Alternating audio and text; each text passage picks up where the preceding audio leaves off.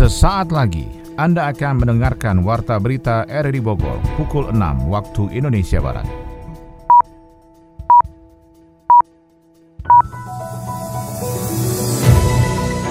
Selamat pagi dan salam jumpa. Saya Maulana Istarto kembali menyapa Anda dalam Warta Berita edisi pagi ini, Sabtu 17 April 2021. Siaran pagi ini bisa Anda akses melalui smartphone Anda dengan mengunduh aplikasi RRI Play dan bisa Anda dengarkan juga melalui Radio Tegak Beriman Kabupaten Bogor, Jawa Barat. Berita utama hari ini adalah Kepala Korps Selalu Lintas Kakor Lantas Mabespori Inspektur Jenderal Polisi Istiono mengatakan jajarannya menyiapkan pos penyekatan secara optimal dengan operasional 24 jam terkait larangan mudik lebaran.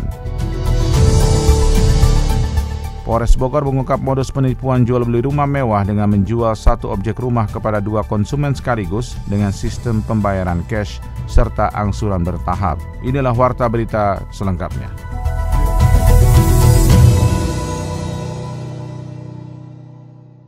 Kepala Korps Selalu Lintas Kakor Lantas Mabespori, Inspektur Jenderal Polisi Istiono mengatakan jajaran menyiapkan pos penyekatan secara optimal dengan operasional 24 jam terutama di jalur selatan yang paling banyak dilalui pemudik. Kakor Lantas Mabespori Inspektur Jenderal Polisi Istiono dalam keterangan tertulisnya di Jakarta menjelaskan bahwa jalur selatan merupakan jalur utama yang selalu dilalui pemudik dengan tujuan Banyumas dan sebagai wilayah Jawa Tengah. Untuk memastikan kesiapan anggotanya dalam mengantisipasi mobilisasi massa pada masa mudik 6-17 Mei 2021, Istiono melakukan survei ke pos-pos penyekatan yang ada di jalur selatan. Pemantauan kesiapan pos-pos penyekatan mulai dari Polres Cilacap, Polres Banjar, Polres Ciamis, sampai Polres Cilenyi, Kabupaten Bogor, serta beberapa wilayah mulai dari Tasikmalaya hingga Polres Majenang, Jawa Barat. Menurutnya ada empat jalur Jawa Barat yang perlu diwaspadai, yaitu Pantura, Tengah, dan Selatan.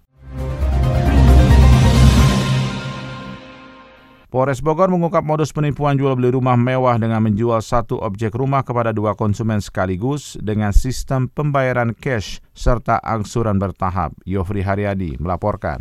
Polres Bogor ungkap modus penipuan jual beli rumah mewah dengan menjual satu objek rumah kepada dua konsumen sekaligus dengan sistem pembayaran cash serta angsuran bertahap. Modus tersebut diketahui setelah adanya laporan dari salah seorang konsumen perusahaan developer bernama PT Cirende Primer Property yang dirugikan ratusan juta rupiah. Kapolres Bogor AKBP Harun mengatakan kasus awal tersebut bermula dari salah seorang konsumen bernama Budi membeli rumah di Cibinong Lakeside berlokasi di Kelurahan Tengah, Kecamatan Cibinong pada 2017 lalu. Budi memesan rumah seharga 1,8 miliar rupiah dan mendapatkan potongan harga sebesar 171 juta rupiah sehingga harga kafling rumah tersebut menjadi 1 miliar 650 juta rupiah. AKBP Harun menambahkan konsumen tersebut membayar dengan cara mencicil hingga lunas selama kurang lebih 8 kali pada Juni 2018. Namun pada saat di cross check pada pihak marketing ternyata rumah tersebut sudah ditawarkan kepada orang lain tanpa pengetahuan konsumennya. Kafling yang dibayar ataupun diangsur oleh korban ini, dia diketahui, didapat informasi, kaflingnya ini dijual kembali, ditawarkan oleh pihak developer. Kemudian untuk memastikan tersebut, korban kemudian datanglah ke sentralnya lagi ke marketingnya untuk memastikan benar apa tidak bahwasanya kafling yang dibayar ini yang diangsur telah ditawarkan kembali. Dan benar pada saat itu disabati informasi bahwasanya kafling yang sudah diangsur oleh korban ini ditawarkan kembali oleh apa developer. Di sini korban merasa dirugikan, kemudian menghubungi kepada developer terjadi kesepakatan akan dibayar namun hingga sampai saat ini tidak dibayarkan. Konsumen itu pun dibebankan biaya ansuran sebesar 435 juta rupiah selama 12 kali bayar. Atas dasar itulah Polres Bogor akhirnya menetapkan AD 43 tahun selaku Direktur Utama PT Cirende Primer Property sebagai tersangka. Polisi masih melakukan pemeriksaan mendalam terhadap proyek pengembangan propertinya di sejumlah kota di Jawa Barat. Tersangka pun dijerat dengan pasal 8 ayat 1 huruf F junto pasal 62 dan atau pasal 18 ayat 1 junto pasal 62 Undang-Undang RI nomor 8 tahun 1999 tentang perlindungan konsumen dengan ancaman hukuman 5 tahun penjara dan denda maksimal 2 miliar rupiah. Pemerintah Kota Bogor memastikan stok pangan sembako aman sampai Lebaran. Laporan disampaikan Sony Agung Saputra. Masyarakat tidak perlu khawatir kekurangan stok bahan pangan saat Ramadan dan Lebaran, sebab pemerintah daerah Kota Bogor sudah melakukan pengawasan ketersediaan barang di pasaran. Kepala Dinas Ketahanan Pangan dan Pertanian DKPP Kota Bogor Anas Rasmana mengungkapkan saat ini pihaknya melakukan pengawasan dari hilir ke hulu terkait ketersediaan pangan di Kota Bogor. Saat ini pihaknya mengupayakan agar masyarakat dapat mandiri dalam ketersediaan pangan sehingga tidak tergantung pada pasokan daerah lain yang rentan terjadi keterlambatan pengiriman karena akses jalan dan rantai distribusi. Begitu aman 11 komoditi yang aman ya mulai beras, bawang. Itu angkanya bawang, beras, sama daging ayam, daging sapi, kemudian gula. Ketersediaannya lebih tinggi ketimbang kebutuhannya. Makanya di Kota Bogor ya inflasi ya ada tapi bisa dikendalikan sama dengan daerah lain. Untuk itu pihaknya menjamin stok pangan pada bulan Ramadan hingga Lebaran nanti untuk berbagai bahan kebutuhan pokok aman terkendali sehingga mencukupi untuk kebutuhan Lebaran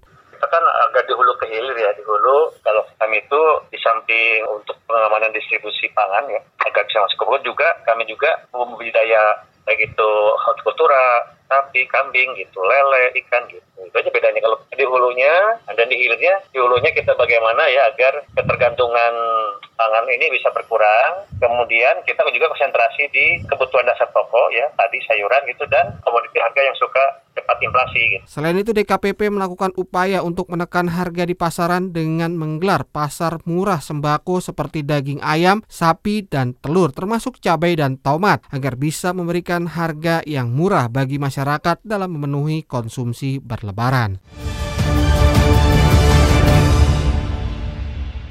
Polresta Bogor Kota memeriksa manajemen apartemen tempat prostitusi online. Kembali Sony Agung Saputra melaporkan. Manajemen tempat prostitusi online di sebuah apartemen atau hotel di kawasan Jalan Soleh Iskandar, Tanah Sarial, Kota Bogor menjadi target pemeriksaan Satreskrim Polresta Bogor Kota. Seperti diketahui, tim Buser berhasil mengungkap kasus prostitusi online dengan adanya penangkapan mucikari yang melakukan praktek asusila dengan menjual gadis berusia muda di apartemen tersebut. Kasat Reskrim Polresta Bogor Kota Kompol Doni Erwanto mengungkapkan saat ini pihaknya melakukan pemeriksaan kepada pihak keamanan tempat praktek prostitusi online agar bisa mengungkap jaringan yang lebih besar. Selanjutnya polisi juga akan memeriksa manajemen tempat apartemen tersebut. Jadi apakah ada keterkaitan dengan kemarin yang kita ungkap? Sementara yang baru kita bisa dalami mulai dari keamanan dulu, kemudian nanti baru ke manajemennya. Pemeriksaan manajemen apartemen tempat prostitusi online itu untuk mengetahui ada tidaknya faktor pembiaran terhadap prostitusi online yang diduga sudah beberapa kali terjadi di lokasi itu. Ya indikasi awalnya kan kita melihat bahwasanya di sana kan bisa digunakan seperti itu tuh apakah tidak ada pengawasan, apakah ada pembiaran. Harusnya sebagai manajemen kan antara yang tamu dengan yang biasa di sana kan pasti sudah tahu lah ya. Kalau pihak keamanan kan harusnya bisa lah, karena kan satu pintu mereka. Dengan dasar penggalian data dan fakta pemeriksaan saksi-saksi dari manajemen apartemen, maka pihak kepolisian akan membuat kesimpulan ada tidaknya kemungkinan tersangka baru dari prostitusi online itu. Setelah mendapat persetujuan dan dukungan dari pemerintah daerah melalui Sekda Kabupaten Bogor Burhanuddin, Presidium Pemekaran Daerah Otonom Baru Bogor Timur Jumat siang beranjak menuju Gedung Sate Bandung menyampaikan aspirasinya terkait pemekaran wilayah Kabupaten Bogor. Yofri Haryadi melaporkan. Setelah mendapat persetujuan dan dukungan dari pemerintah daerah melalui Sekretaris Daerah Kabupaten Bogor Burhanuddin, Presidium Pemekaran Daerah Otonom Baru Bogor Timur Jumat siang beranjak menuju Gedung Sate Bandung untuk menyampaikan aspirasinya dalam sidang paripurna meminta persetujuan pemerintah Provinsi Jawa Barat dan DPRD Jawa Barat terkait pemekaran di wilayah timur Kabupaten Bogor. Sekretaris Jenderal Presidium Pemekaran Wilayah Bogor Timur Alex Slamet Riyadi mengutarakan diterimanya surat dengan nomor 041 garis miring DPP strip PPBT strip 11 Romawi strip 15 yang menjadi pengantar usulan masyarakat untuk pembentukan DOB kepada Bupati Bogor menjadi bukti langkah awal perjuangan masyarakat di wilayah timur Kabupaten Bogor untuk berdikari. Pemekaran DOB Kabupaten Bogor Timur merupakan upaya menciptakan pemerintahan yang efektif dan efisien berdasarkan kondisi real daerah. Rencana pembentukan Kabupaten Bogor Timur ini sudah diusulkan sejak Juni 2015 silam. Dari Pemkap Bogor juga mengakomodir usulan melalui revisi rencana pembangunan jangka menengah daerah Kabupaten Bogor tahun 2013-2018. Unsur DPP melalui Korlap sudah menyiapkan keberangkatan ke gedung DPRD Provinsi. Kita sesuai dengan arahan dari Pak Sekda dan hasil rapat dengan DPRD Komisi 1 satu provinsi bahwasanya terutama harus menjaga prokes kesehatan ya. Dalam hal ini kita sudah memberikan batasan kepada warga masyarakat Bogor Timur yang ingin turut serta hadir juga bisa memahami keterbatasan aturan prokes ini sehingga diambil perwakilan-perwakilan dari unsur masyarakat termasuk hasil TPP Presidium. Sidang paripurna itu dijadwalkan jam 2, jam 2 siang jam 14.00. Kabupaten Bogor sangat luas memiliki jumlah penduduk terbanyak di Indonesia mencapai 5,4 juta atau 11,24 persen penduduk Jawa Barat. Cakupan wilayah calon daerah persiapan Kabupaten Bogor Timur terdiri dari 7 kecamatan dan 75 desa, yakni Kecamatan Gunung Putri 10 desa, Kecamatan Cilengsi 12 desa, selanjutnya Kecamatan Kelapa Nunggal 9 desa, Kecamatan Jonggol 14 desa, Kecamatan Cariu 10 desa, Kecamatan Sukamakmur 10 desa, dan Kecamatan Tanjung Sari 10 desa. Dengan jumlah penduduk Kabupaten Bogor Timur kurang lebih 1,5 juta jiwa. Anda tengah mendengarkan Warta Berita RRI Bogor. Dari dunia ekonomi, pemerintah melalui Kementerian Pekerjaan Umum dan Perumahan Rakyat tengah mengembangkan konsep Ecotourism Park atau Taman Ekowisata dengan memanfaatkan kawasan konservasi pada Bendungan Sukamahi di Kabupaten Bogor. Menteri PUPR Basuki Hadi Mulyono mengatakan pembangunan bendungan nantinya tidak hanya sebagai bagian dari rencana induk atau master plan pengelolaan banjir ibu kota Jakarta, tetapi juga pengembangan ekowisata kawasan Puncak Bogor dengan memanfaatkan potensi sumber daya alam dan mengedepankan perlindungan ekosistem. Rumah sakit lapangan COVID-19 di Gor Pajajaran Kota Bogor segera memasuki masa habis kontrak. Adi Fajar Nugraha melaporkan. Rumah sakit lapangan COVID-19 di Gor Pajajaran Kota Bogor segera memasuki masa habis kontrak. Rumah sakit lapangan Kota Bogor yang menggunakan gedung Wisma Atlet di kawasan Gor Pajajaran Kota Bogor hanya memiliki masa operasional selama tiga bulan sejak diresmikan 18 Januari 2021. Kepala Rumah Sakit Lapangan Kota Bogor, Dr. Yeti Haryati menjelaskan, sesuai dengan kontrak dan anggaran dari BNPB, bahwa RSL Kota Bogor akan berhenti operasional pada 18 April mendatang. Pihaknya tengah menunggu keputusan dari BNPB BNPB bersama Pemkot Bogor tentang perpanjangan operasional rumah sakit lapangan. Kita berjalan dengan kontrak tiga bulan dengan dana BNPB.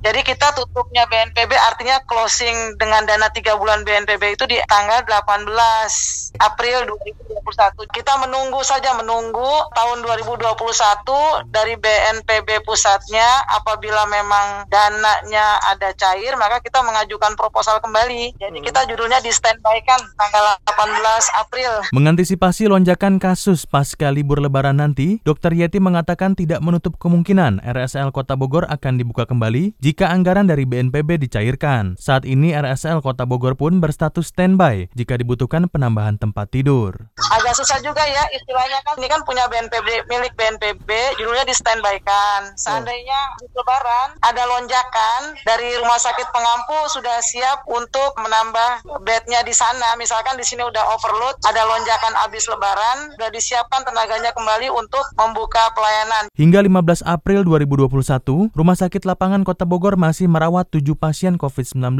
dengan gejala ringan. Nantinya setelah kontrak RSL habis, semua pasien akan dipindahkan ke RSUD Kota Bogor untuk mendapatkan perawatan lebih lanjut. Pemkot Bogor pun tengah mengupayakan perpanjangan kontrak Rumah Sakit Lapangan dengan BNPB guna mencegah lonjakan kasus pada bulan Ramadan dan Lebaran.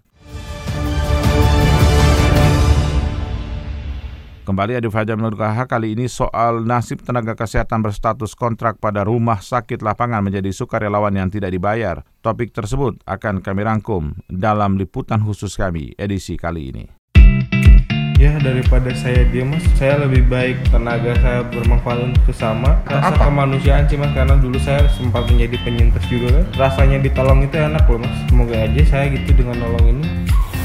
Pembangunan rumah sakit lapangan Kota Bogor menjadi upaya pemerintah Kota Bogor dalam menyikapi lonjakan kasus COVID-19. Rumah sakit yang terletak di Gor Pajajaran Kota Bogor itu dibangun dengan kontrak BNPB bersama Pemkot Bogor selama tiga bulan sejak 18 Januari 2021. Sejumlah nakes baik organik dari RSUD maupun tenaga kontrak sejak awal ditarik untuk membantu operasional RSL dan memberikan pelayanan terbaik bagi masyarakat. Kepala Rumah Sakit Lapangan Kota Bogor, Dr. Yeti Haryati menjelaskan, sejak awal dibuka banyak nakes dan non-nakes yang ingin bergabung mengabdikan dirinya melayani pasien COVID-19. Hal tersebut menjadi kekuatan sekaligus semangat bagi dirinya untuk mensukseskan RSL sebagai rumah sakit bantuan bagi pasien yang terpapar COVID-19.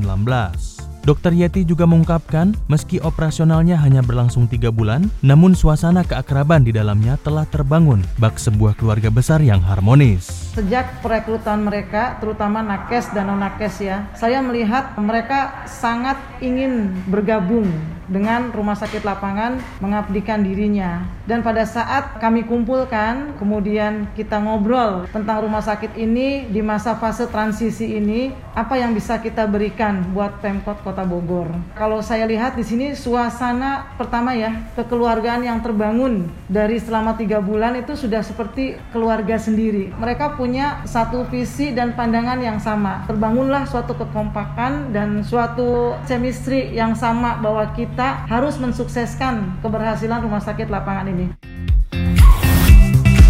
Hal senada juga diungkapkan salah seorang dokter di Rumah Sakit Lapangan Kota Bogor. Dokter Puspo Edi Hapsari menjadi salah satu tenaga kesehatan yang ikut merasakan hangatnya kebersamaan di Rumah Sakit Lapangan Kota Bogor. Memiliki visi dan tujuan yang sama dalam memberikan perawatan terbaik bagi pasien COVID-19, chemistry antar nakes pun telah terbangun dengan baik. Suka duka telah dilalui bersama, namun sayang, kebersamaan itu akan segera berakhir mengingat kontrak Rumah Sakit Lapangan hanya sampai 3 bulan, tepatnya akan berakhir pada 8 18 April 2021. Dokter tuh memang ini pekerjaan kita gitu, panggilan hati kita adalah untuk membantu orang-orang yang sedang sakit. Sukanya lebih banyak sih. Sukanya itu semua di sini udah kayak keluarga. Kita punya satu visi yaitu untuk merawat pasien-pasien COVID, untuk mengobati pasien-pasien COVID dengan pelayanan yang terbaik. Pasien senang, kita pun ikut senang. Keluarga pun kita ajak diskusi dalam segala sesuatu sesuatu mengenai perawatan di rumah sakit lapangan.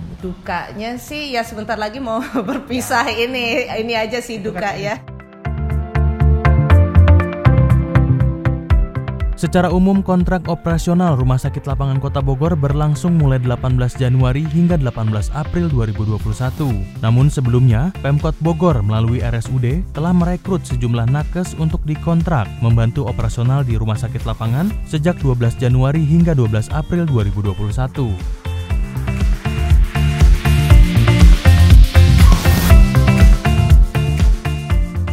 Salah seorang perawat kontrak bernama Deshar Slamet Wijaya menceritakan pengalaman merawat pasien COVID-19 di RSL Kota Bogor menjadi pengalaman pertamanya sejak lulus dari Akademi Keperawatan di Kota Sukabumi. Ia pun sejak awal tidak takut untuk menjadi perawat di rumah sakit lapangan karena merupakan suatu pengabdian besar dan kebanggaan tersendiri turut menjadi garda terdepan melawan COVID-19. Bahkan dirinya menjadi sukarelawan perawat sementara yang tidak dibayar dalam kurun waktu enam hari sejak kontrak kerjanya habis pada 12 April 2021 hingga ditutupnya operasional rumah sakit lapangan pada 18 April 2021. Tidak hanya itu, Deshar pun mengorbankan waktu luangnya untuk tidak bertemu dengan keluarga dan orang tuanya selama bertugas di rumah sakit lapangan kota Bogor. Hal itu dilakukan Deshar karena satu hal, yakni dorongan kemanusiaan demi membantu para pasien yang terpapar COVID-19. Ya daripada saya diam mas, saya lebih baik tenaga saya bermanfaat untuk sesama. Rasa kemanusiaan kerjaan sih mas karena dulu saya sempat menjadi penyintas juga kan. Rasanya ditolong itu enak loh mas. Semoga aja saya gitu dengan nolong ini bermanfaat juga gitu. Rasanya tuh muncul sendirinya gitu mas. Jadi suatu kebanggaan ketika kita bisa menolong pasien dan pasien itu sembuh. Berkat pertolongan kita dan doa dari pasien tersebut kan Deshar dan beberapa teman-teman nakes kontrak lainnya pun tidak hanya diam. Mereka telah berusaha melamar pekerjaan di sejumlah rumah sakit untuk menyambung kehidupannya. Untuk sementara setelah rumah sakit lapangan ditutup, dirinya akan berpulang ke kampung halamannya di Sukabumi. Namun jika ada panggilan pekerjaan, Deshar pun siap untuk kembali mengabdikan dirinya membantu masyarakat yang sakit. Saya kayaknya pulang dulu deh, tapi kalau misalkan ada panggilan untuk menolong lagi, kayak misalkan saya ditarik ke RSUD Kota Bogor, saya siap. Tapi untuk sementara seperti sepertinya ya kayak kita juga dan rekan-rekan yang lain kan sudah menaruh lamaran di mana-mana. Cuman belum ada panggilan gitu ya. Ya mungkin untuk ke depannya mungkin istirahat dulu sampai ada panggilan Menyikapi hal itu, Kepala Rumah Sakit Lapangan Kota Bogor Dr. Yeti Haryati turut memberikan perhatian khusus pada tenaga kesehatan kontra. Ia terus melakukan koordinasi bersama dengan Pemkot Bogor dan RSUD untuk membuka perekrutan tenaga perawat yang akan ditempatkan di RSUD Kota Bogor. Dr. Yeti juga akan melakukan sinergitas dan komunikasi intens, membangun jaringan dengan rekan sejawatnya guna memberikan peluang kerja bagi tenaga kesehatan kontrak lainnya. Kalau untuk hiring dari pihak Pemkot memang belum ada, tetapi tapi dari RSUD Kota Bogor sedang merancang. Ada jangka pendek dan jangka panjang. Jangka panjang tergantung dari pembangunan blok 1 nanti pasti akan menyerap banyak tenaga kesehatan dan non kesehatan. Tapi jangka pendeknya beberapa formasi yang mungkin saya dapat dengan fix pasti itu adalah tenaga perawat. Mereka membutuhkan dalam waktu dekat ini 22 perawat. Sehingga perawat-perawat yang bagus yang hasil binaan kita di sini diprioritaskan dan untuk dilakukan tes kredensial oleh pihak manajemen RSUD Kota Bogor. Ada Adapun untuk tenaga yang lain, kita tetap bersinergi dalam arti membangun jejaring dengan teman-teman. Kita mencobalah untuk mencari peluang-peluang di rumah sakit lain seandainya ada, ya kami bisa memberikan suatu rekomendasi bahwa mereka sudah bisa untuk bekerja. Harapan para tenaga kesehatan yang diwakili Dr. Yeti menginginkan Rumah Sakit Lapangan Kota Bogor terus beroperasi, selain dalam rangka meningkatkan penanganan COVID-19 di Kota Bogor, serta mencegah adanya gelombang baru pasca Ramadan dan Lebaran, pengoperasian Rumah Sakit Lapangan ini nyatanya berpengaruh terhadap keberlangsungan hidup para tenaga kesehatan khususnya yang berstatus kontra. Kita sebenarnya menginginkan rumah sakit ini bisa jalan sampai Desember 2021, di mana benar-benar mudah-mudahan COVID di Indonesia sudah turun setelah pasca vaksinasi. Jadi dalam masa transisi memang mulai ada penurunan, tapi setelah lebaran dan setelah liburan nanti akan ada suatu fase dinamakan outbreak. Nah, kita sih berharap rumah sakit ini bisa jalan ya paling tidak sampai setahun, tapi tentunya kita kembalikan semuanya kepada Bapak Wali Kota Bogor selaku pemegang keputusan dan kebijaksanaan di Kota Bogor ini. Hal itu pun diaminkan oleh Wali Kota Bogor Bima Arya selaku pemegang keputusan dan kebijakan di Kota Bogor. Bima mengatakan pihaknya sedang berkomunikasi dengan Kepala BNPB meminta operasional rumah sakit lapangan diperpanjang. Hal tersebut dilakukan sebagai pencegahan jika terjadi lonjakan kasus pada bulan Ramadan dan Lebaran nanti. Teras lapangan ini memang isinya habis, tapi menurut saya kita antisipasi gelombang kedua. Ya. Nggak boleh lemah, karena di banyak negara itu lemah jadi gelombang kedua. Saya sudah komunikasi dengan kepala BNPB dilakukan review oleh inspektorat oh, secara keuangan gimana kemudian apakah masih tersedia uangnya di BNPB atau tidak jadi tapi kalau saya ingin lanjut walaupun sudah habis tapi ingin lanjut kenapa sekali kita antisipasi belum nggak boleh lengah. Jadi sekarang sedang dilakukan review oleh inspektorat. Nanti dikomunikasikan dengan BNPB kalau anggarannya ada kita akan lanjut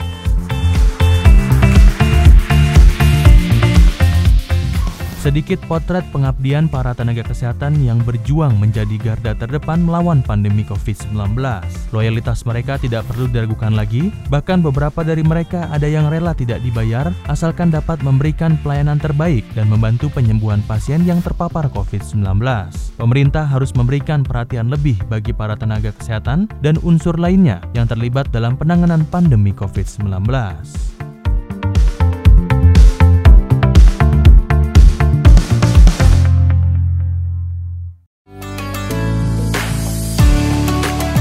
Assalamualaikum warahmatullahi wabarakatuh. Saya AKBP Harun, Kapolres Bogor. Mengucapkan selamat menjalankan ibadah puasa di bulan Ramadan ini tahun 1442 Hijriah untuk semua umat Islam. Semoga di bulan Ramadan ini kita senantiasa mendapat berkat dan rahmat dari Allah taala dan semoga di bulan Ramadan ini mampu menjadikan refleksi, mampu menjadikan perbaikan diri kita, perbuatan kita dan ke depannya untuk menjadi lebih baik lagi dan semoga semua perbuatan dan amal ibadah kita mampu memberikan kemaslahatan bagi seluruh umat manusia.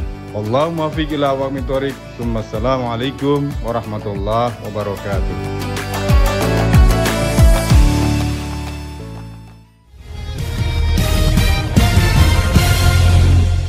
Dari dunia olahraga, Pengurus cabang olahraga Tarung Derajat Kabupaten Bogor saat ini termasuk cabur yang punya komitmen tinggi untuk mencetak talenta atlet lokal dari binaannya sendiri. Ermelinda melaporkan.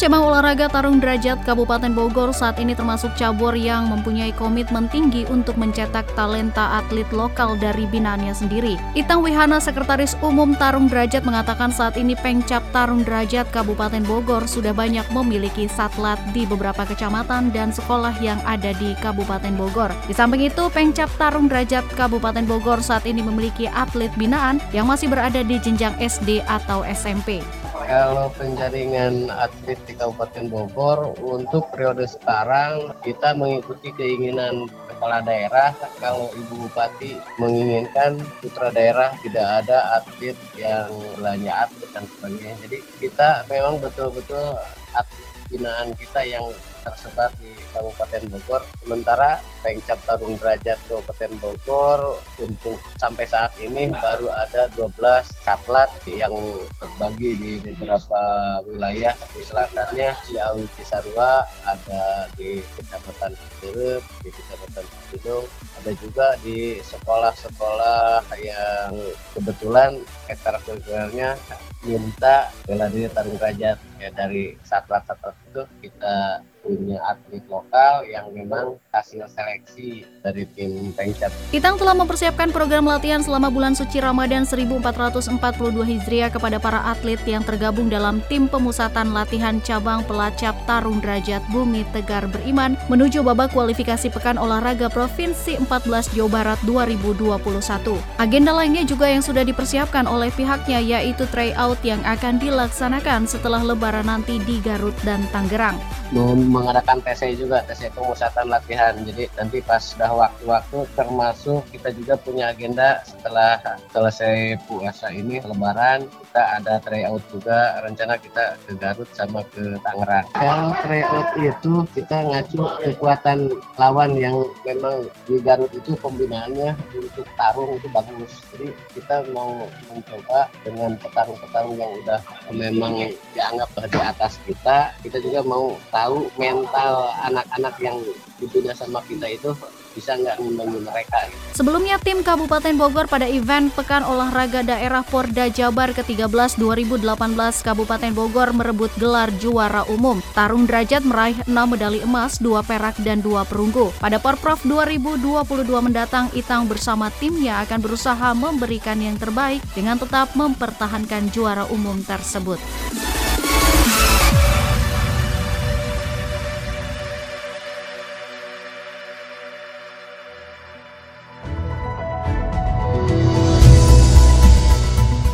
Demikian rangkaian informasi yang kami hadirkan dalam Warta Berita di edisi hari ini. Sebelum berpisah, kembali kami sampaikan berita utama.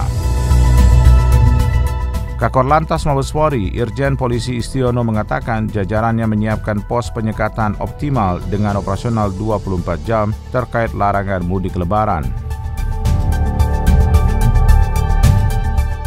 Polres Bogor mengungkap modus penipuan jual beli rumah mewah dengan menjual satu objek rumah kepada dua konsumen sekaligus dengan sistem pembayaran cash dan angsuran bertahap. Saya Maulana Sarto mengucapkan terima kasih atas perhatian Anda. Selamat pagi, sampai jumpa.